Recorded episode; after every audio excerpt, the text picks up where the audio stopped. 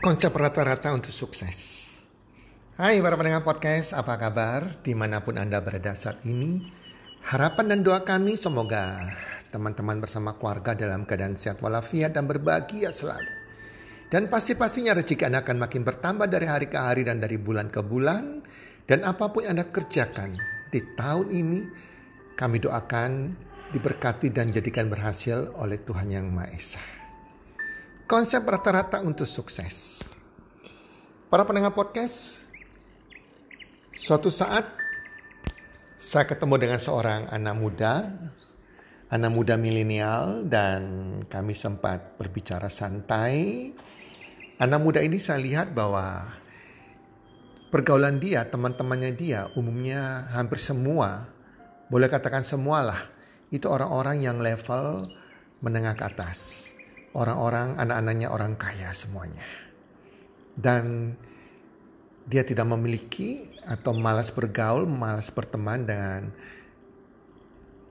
orang-orang yang levelnya di bawah dia atau level biasa-biasa saja. Dan saya sempat bertanya, kenapa dia suka bergaul dengan anak-anaknya orang kaya atau orang-orang sukses? Dan Anak muda ini menjawab bahwa dari apa yang dia pelajari di seminar, di buku-buku dia baca, dari orang-orang sukses yang mengatakan bahwa kalau kita mau sukses tergantung dari lingkungan pergaulan kita. Lima teman terdekat kita, siapa mereka, menentukan kita nantinya seperti mereka. Jadi, Kata anak muda ini, kalau saya mau sukses, jelas dong. Saya berkumpul dengan orang-orang sukses. Benar begitu kan? Nah, teman-teman, ini yang namanya konsep rata-rata untuk sukses. Orang-orang sukses yang ada di dunia ini umumnya melakukan konsep rata-rata untuk sukses. Bahkan Anthony Robbins salah seorang motivator yang termahal di dunia itu mengajarkan hal demikian juga. Dengan siapa Anda bergaul, siapa lima teman terbaik Anda yang Anda sering kumpul bersama. Seperti itulah nantinya kehidupan Anda. Itulah sebabnya tidak heran pada era era sebelum adanya internet era offline mungkin 20 tahun 30 tahun yang lalu ya masih zamannya uh, Presiden almarhum Presiden Soeharto Orde Baru itu banyak sekali orang-orang yang panjat sosial. Sampai hari ini di era online juga masih banyak orang yang panjat sosial. Kepingin kumpul dengan orang-orang kaya, orang-orang sukses.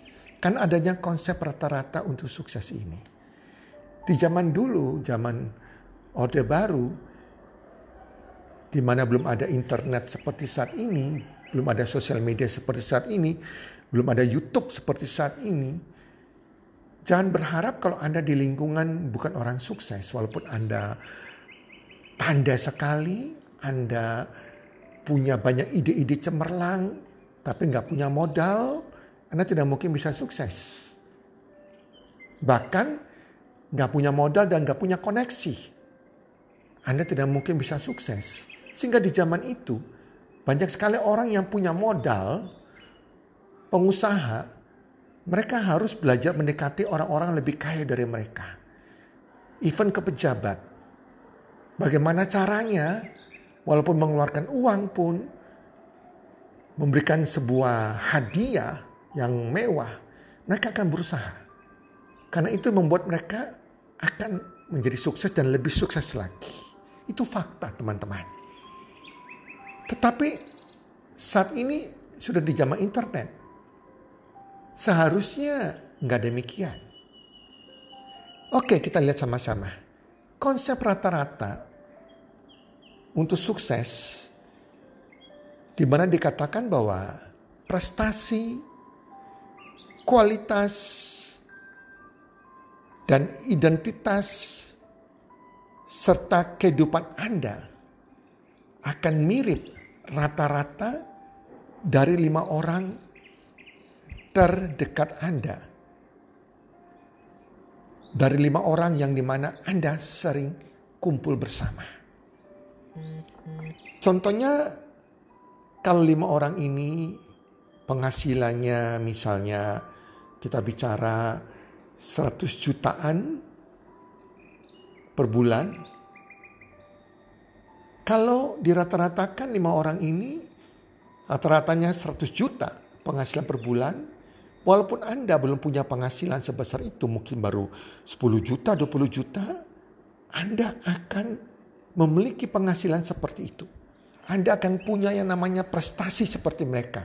Kualitas hidup seperti mereka. Identitas seperti mereka. Karakter seperti mereka. Dan saya percaya dalam arti lingkungan ini akan menciptakan kita.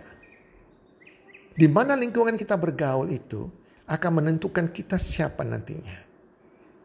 Kalau Anda seorang anak yang baik, karakternya baik, Anda salah bergaul, lima teman Anda, lingkungan Anda adalah orang-orang yang karakter tidak baik, narkoba, perokok, peminum alkohol, penipu, anda sadar tidak sadar akan menjadi orang seperti mereka. Yang merokok, peminum, alkohol, suka main perempuan mungkin, main pelacur. Ini akan terjadi. Itulah sebabnya saya percaya lingkungan itu membentuk kita seperti apa kita nantinya. Lingkungan teman bergaul kita sangat menentukan sekali untuk membentuk karakter kita, membentuk sifat kita. Karena pada waktu kita bergaul, teman-teman kita punya cara pandang, cara bicara, cara berpikir, cara bertutur kata, cara sopan santun. Itu akan membawa kita ke arah sana. Jangan jauh-jauh saja. Ada teman saya yang kumpul teman ini orang Surabaya. Bahasa Jawanya medok banget. Tapi dia kumpul teman-temannya itu orang-orang dari Indonesia bagian timur, dari Manado, Sulawesi, dari Papua, yang di mana logatnya logat luar pulau. Apa yang terjadi? Anak muda ini yang seharusnya logat Jawa tidak pernah ke luar pulau, tidak pernah ke Indonesia bagian timur, tetapi karena kumpul dengan teman-teman anak-anak yang dari Indonesia bagian timur, gaya bahasanya sudah gaya bahasa intonasi suara seperti orang luar pulau. Nah, ini contoh kecil teman-teman.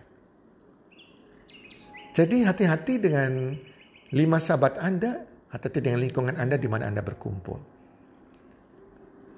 Kalau Anda berkumpul dengan orang yang malas, orang yang karakter buruk, yang orang yang bukan orang sukses, ya pola pikir mereka, karakter mereka, gaya hidup orang malasnya akan menjadi virus menular kepada Anda. Tetapi yang saya tidak setuju adalah untuk di zaman now, zaman internet saat ini, zaman dunia maya saat ini, kalau kita mau kaya harus kumpul dengan orang kaya. Itu saya tidak setuju. Karena untuk menjadi kaya, kita tidak harus kumpul dengan orang kaya di zaman saat ini. Kita harus tidak harus dengan panjat sosial. Kita harus berpura-pura menjadi orang kaya seperti mereka agar bisa masuk ke lingkungan mereka. Oh no, no, no. Dan saya katakan kepada anak milenial ini yang saya lagi berbincang-bincang. Di mana karena dia tanya ke saya. Saya bisa sukses, saya jadi karena mungkin lingkungan saya. Apalagi dia tahu keluarga saya, orang tua saya, papa saya khususnya itu dari keluarga dari salah satu konglomerat di Indonesia. Papa saya pengusaha terkenal, salah satu yang terbesar. Kalau istilah sekarang, sekarang itu crazy rich di Indonesia bagian timur khususnya daerah Maluku. Almarhum papa saya dulunya. dan pasti membuat saya jadi sukses sekarang itu. Saya katakan karena muda ini, saya bisa sukses hari ini. Saya nggak butuh lima teman yang orang sukses. Saya cuma punya satu teman, satu pribadi, teman baik sekali, soulmate saya. Hanya satu saya punya. Yang teman ini kaya banget, sukses sekali dari semua orang yang sukses yang ada di dunia. Selain itu teman saya semuanya adalah orang di level di bawah saya. Saya lebih suka kumpul dengan orang-orang yang level di bawah saya. Orang-orang yang karakter baik walaupun mereka tidak kaya. Saya tidak punya teman orang kaya saya bilang. Hanya satu ini. Teman saya orang kaya cuma satu. Yang lain teman saya. Tidak kaya. Dari saya sejak SD, SMP, SMA, kuliah. Sampai saya kerja. Saya tidak pernah ada di lingkungan teman-teman orang kaya. Saya nggak suka, saya nggak nyaman. Walaupun orang tua saya mengajak saya masuk ke lingkungan keluarga konglomerat. Saya nggak nyaman dan saya keluar lagi. Dan saya tidak pernah dalam lingkungan itu. Semua lingkungan saya adalah orang-orang yang levelnya di bawah saya, ekonomi juga banyak pas-pasan, tapi karakter mereka karakter yang baik. Saya kagum sama karakter orang. Saya melihat orang bukan dari kekayaan, tapi karakter mereka. Saya menghargai karakter mereka daripada gaya hidup yang tidak benar, gaya hidup hedonisme, gaya hidup pamer kekayaan, atau orang kaya yang sombong. Saya cuma punya teman satu orang kaya yang membuat saya jadi kaya. Orang kaya banget. Sampai hari ini saya tidak pernah tahu ada orang lebih kaya dari pribadi ini. Dan anak muda ini bilang siapa itu? Saya mau dikenalkan dong. Saya bilang kamu sudah punya, sudah kenal. Coba kamu tidak mau bergaul dengan dia. Siapa orang itu? Saya katakan. Kebetulan saya Kristen, saya katakan Orang itu Yesus Kristus Tuhan. Yaitu Tuhan. Setiap agama apa pun pasti punya Tuhan. Yang Maha Esa. Saya katakan Tuhan saya ini. Teman saya satu-satunya. Teman saya di mana saya curhat. Saya keluarkan kesedihan saya. Saya minta dia memotivasi saya. Saya baca surat cinta dia di dalam kitab suci. Dia yang menuntun jalan saya. Semua ada di kitab suci yang diajarkan ke saya. Bagaimana cara bergaul, bagaimana cara kita diberkati oleh teman saya ini, oleh Tuhan ini, yaitu Tuhan Yesus. Bagaimana saya menjadi orang yang bisa memberkati orang lain, karakter saya, ucapan saya, ya, menghindari hal-hal yang bisa menghalangi berkat kita, menghalangi menghindari dosa-dosa, menghindari apa yang Tuhan tidak suka, dan melakukan apa yang Tuhan suka untuk kita lakukan. Kalau kita melakukan apa yang Tuhan suka kita lakukan, maka saya percaya hidup kita di tangan hidup kita segala macam berkatnya di tangan Tuhan dan Tuhan akan memberkati kita. Tidak ada orang lebih kaya daripada Tuhan yang Maha Esa. Setuju enggak? Dan itu kehidupan saya. Banyak orang tidak mengenal saya secara pribadi. Mereka melihat, oh saya ini jelas kaya, jelas sukses. Karena orang tua saya adalah orang tua istilah zaman sekarang ini crazy rich di seluruh Maluku waktu itu, waktu itu. Mereka tidak sadar, mereka tidak tahu keadaan keluarga saya bagaimana. Bagaimana orang tua saya memperlakukan saya. Saya anak pertama dari lima bersaudara. Orang tua saya menganggap saya adalah karena ibu saya menikah dengan orang papa saya karena sudah hamil duluan dan itu membuat dia curiga saya ini bukan anak kandungnya dia mungkin ibu saya sempat berhubungan dengan orang lain dan itu membuat dia tidak menganggap saya sebagai anaknya kelas 2 SD ayah saya membuang saya ke Surabaya tinggal dengan kakek nenek saya yang di mana saat itu beliau lagi musuhan dengan kakek saya. Dibuang ke saya. Dia nggak mau melihat saya. Dan saya hidup dibesarkan oleh kakek dan nenek saya. Saya tidak pernah merasa dari kecil SD bahwa saya ini anaknya salah seorang terkaya di Maluku. Saya tidak pernah dimewahkan dengan uang yang berlebihan. Boleh katakan saya tidak pernah dikasih uang saku untuk belanja, untuk jajan di sekolah. Anak-anak lain yang levelnya lebih miskin dari saya, itu ada uang jajan saya tidak. Anak orang lain SMA kuliah naik mobil diberikan orang tuanya, saya hanya naik sepeda motor bekas, sepeda motor bebek. Saya tidak pernah merasa saya ini anak orang kaya. Dan itu membuat saya menjadi perilaku yang minder, nggak percaya diri. Saya dibully sejak SD. Membuat saya menjadi mental pecundang. Saya tidak punya arti nilai hidup saya seperti apa. Itu terjadi. Saya berkenal Tuhan sungguh-sungguh masuk dalam ajaran agama setelah saya lulus kuliah, saya berbisnis. Bisnis saya juga gagal. Di situlah saya kenal Tuhan Yang Maha Esa. Yang di mana dari situlah saya bisa mendapatkan kasih sayang orang tua, kasih sayang bapak yang hilang. Digantikan dengan kasih sayang Tuhan. Saya bisa berdamai dengan diri saya. Saya menjadi tahu bahwa, oh ternyata saya di mata Tuhan itu makhluk yang berharga. Oh Tuhan menyayangi saya. Tuhan mau saya jadi orang yang punya mental pemenang, orang yang sukses, orang yang kaya agar bisa memberkati orang lain. Tuhan mau saya tidak, Tuhan tidak mau saya jadi pecundang. Tuhan ciptakan saya untuk sukses, untuk jadi pemenang sejak dari awal, sejak dari benih, dari sperma. Dan saya tahu rencana Tuhan untuk hidup saya, hidup yang sukses, hidup berbahagia, menjadi berkat bagi orang lain. Dan saya bisa tahu tujuan saya hidup. Tujuan saya hidup adalah saya harus menjadi orang sukses. Saya menjadi berkat bagi banyak orang, menjadi terang dan garam bagi sesama saya, bagi lingkungan saya.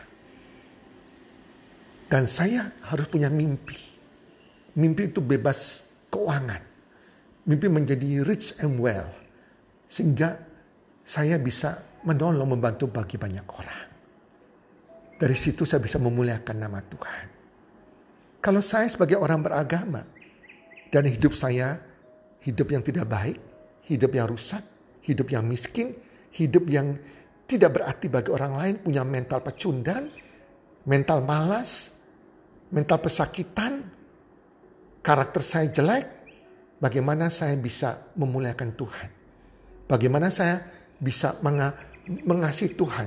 Bagaimana saya bisa membalas cinta kasih Tuhan? Salam, saya malah menjadi orang penista agama saya sendiri. Karena saya tidak memuliakan Tuhan saya. Orang bisa melihat saya sebagai, loh, dia kan agamanya ini, kenapa gak diberkati? Berarti Tuhannya gak nolong dia. Saya mempermalukan nama Tuhan saya, menistakan nama agama saya. Jadi teman-teman, saya katakan kepada milenial ini dan dia kaget dan saya bilang, mungkin kamu sering ketemu orang-orang sukses, orang-orang kaya. Karena betul lima hal pergaulan mereka ini. Tetapi hari ini Anda ketemu dengan satu orang yang diberkati Tuhan. Yang saya menganggap diri saya adalah orang sukses yang sudah nikmati pasif income. Karena kesuksesan setiap orang berbeda-beda dari cara pandang mereka. Bagi saya, saya sukses. Saya tidak hutang orang lain, saya tidak menyusahkan orang lain. Hidup saya bahagia, keluarga saya bahagia, kita nggak pernah kekurangan uang, kita punya aset, menghasilkan uang lagi. Itu saya bersyukur dan cukup bagi saya. Saya menjadi berkat terang bagi banyak orang. Dan itu bukan karena lingkungan pergaulan saya. Saya tidak punya lingkungan orang-orang kaya. Teman saya yang kaya, lebih kaya dari saya cuma satu. Yaitu Tuhan yang Maha Esa. Kan agama saya Kristen yaitu Tuhan Yesus Kristus. Saya bergaul dengan dia setiap hari. Saya minta petunjuknya setiap hari. Dan itu membuka cara pandang yang lain bagi anak muda ini. Saya sadarkan dia, percuma kamu punya teman orang-orang kaya semua. Kalau kamu tidak punya Tuhan dalam hidup kamu. Harusnya Tuhan menjadi temanmu yang pertama dan satu-satunya. Baru punya teman yang lain. Karena semua berkat kehidupan kita, nafas kehidupan kita, kekayaan kita, harta kita, semuanya dari Tuhan. Tidak ada satu orang pun yang bisa mengalahkan kekayaan Tuhan yang memiliki kekayaan seisi bumi ini, seisi dunia ini. Setuju teman-teman? Nah, itulah hukum rata-rata untuk sukses. Yang bagi orang-orang lain, orang dunia, orang-orang sukses, itu dari lima orang dari lingkungan teman Anda bergaul, lima orang terbaik sebagai sahabat Anda. Tetapi bagi saya, saya butuh satu orang, yaitu Tuhan Yang Maha Esa. Dan saat ini teman-teman, kabar gembira di zaman internet zaman now ini, kalau Anda punya kepintaran, Anda punya skill, ya, gak punya modal, banyak sekali angel investor, pemodal-pemodal yang mereka punya uang, tidak punya ide, mau buat usaha apa. Anda bisa bergabung, tawarkan proyek Anda, tawarkan bisnis startup Anda dan mereka siap memodal, memodalin Anda. Bisa dibagi 50-50% keuntungannya. Banyak sekali. Di dalam negeri, di luar negeri, orang-orang yang punya uang sedang mencari mitra kerja orang-orang punya ide. Jadi modal nggak dibutuhkan, tapi kepintaran Anda dibutuhkan. Jelas teman-teman ya, jadi kita nggak harus panjat sosial dan kita bisa berteman kalau Anda tidak punya teman orang-orang kaya, orang sukses, gak apa-apa. Sekarang zamannya YouTube, Anda bisa belajar banyak orang sukses yang punya skill, punya pengetahuan, yang membagikan ilmu-ilmu di YouTube.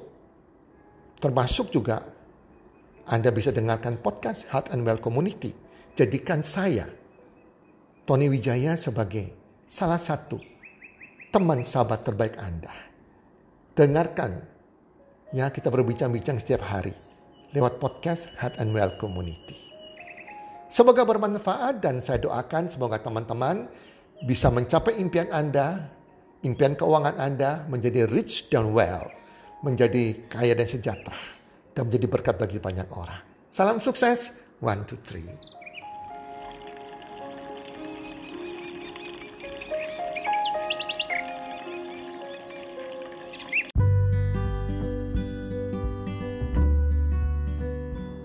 Terima kasih sudah mendengarkan podcast kami.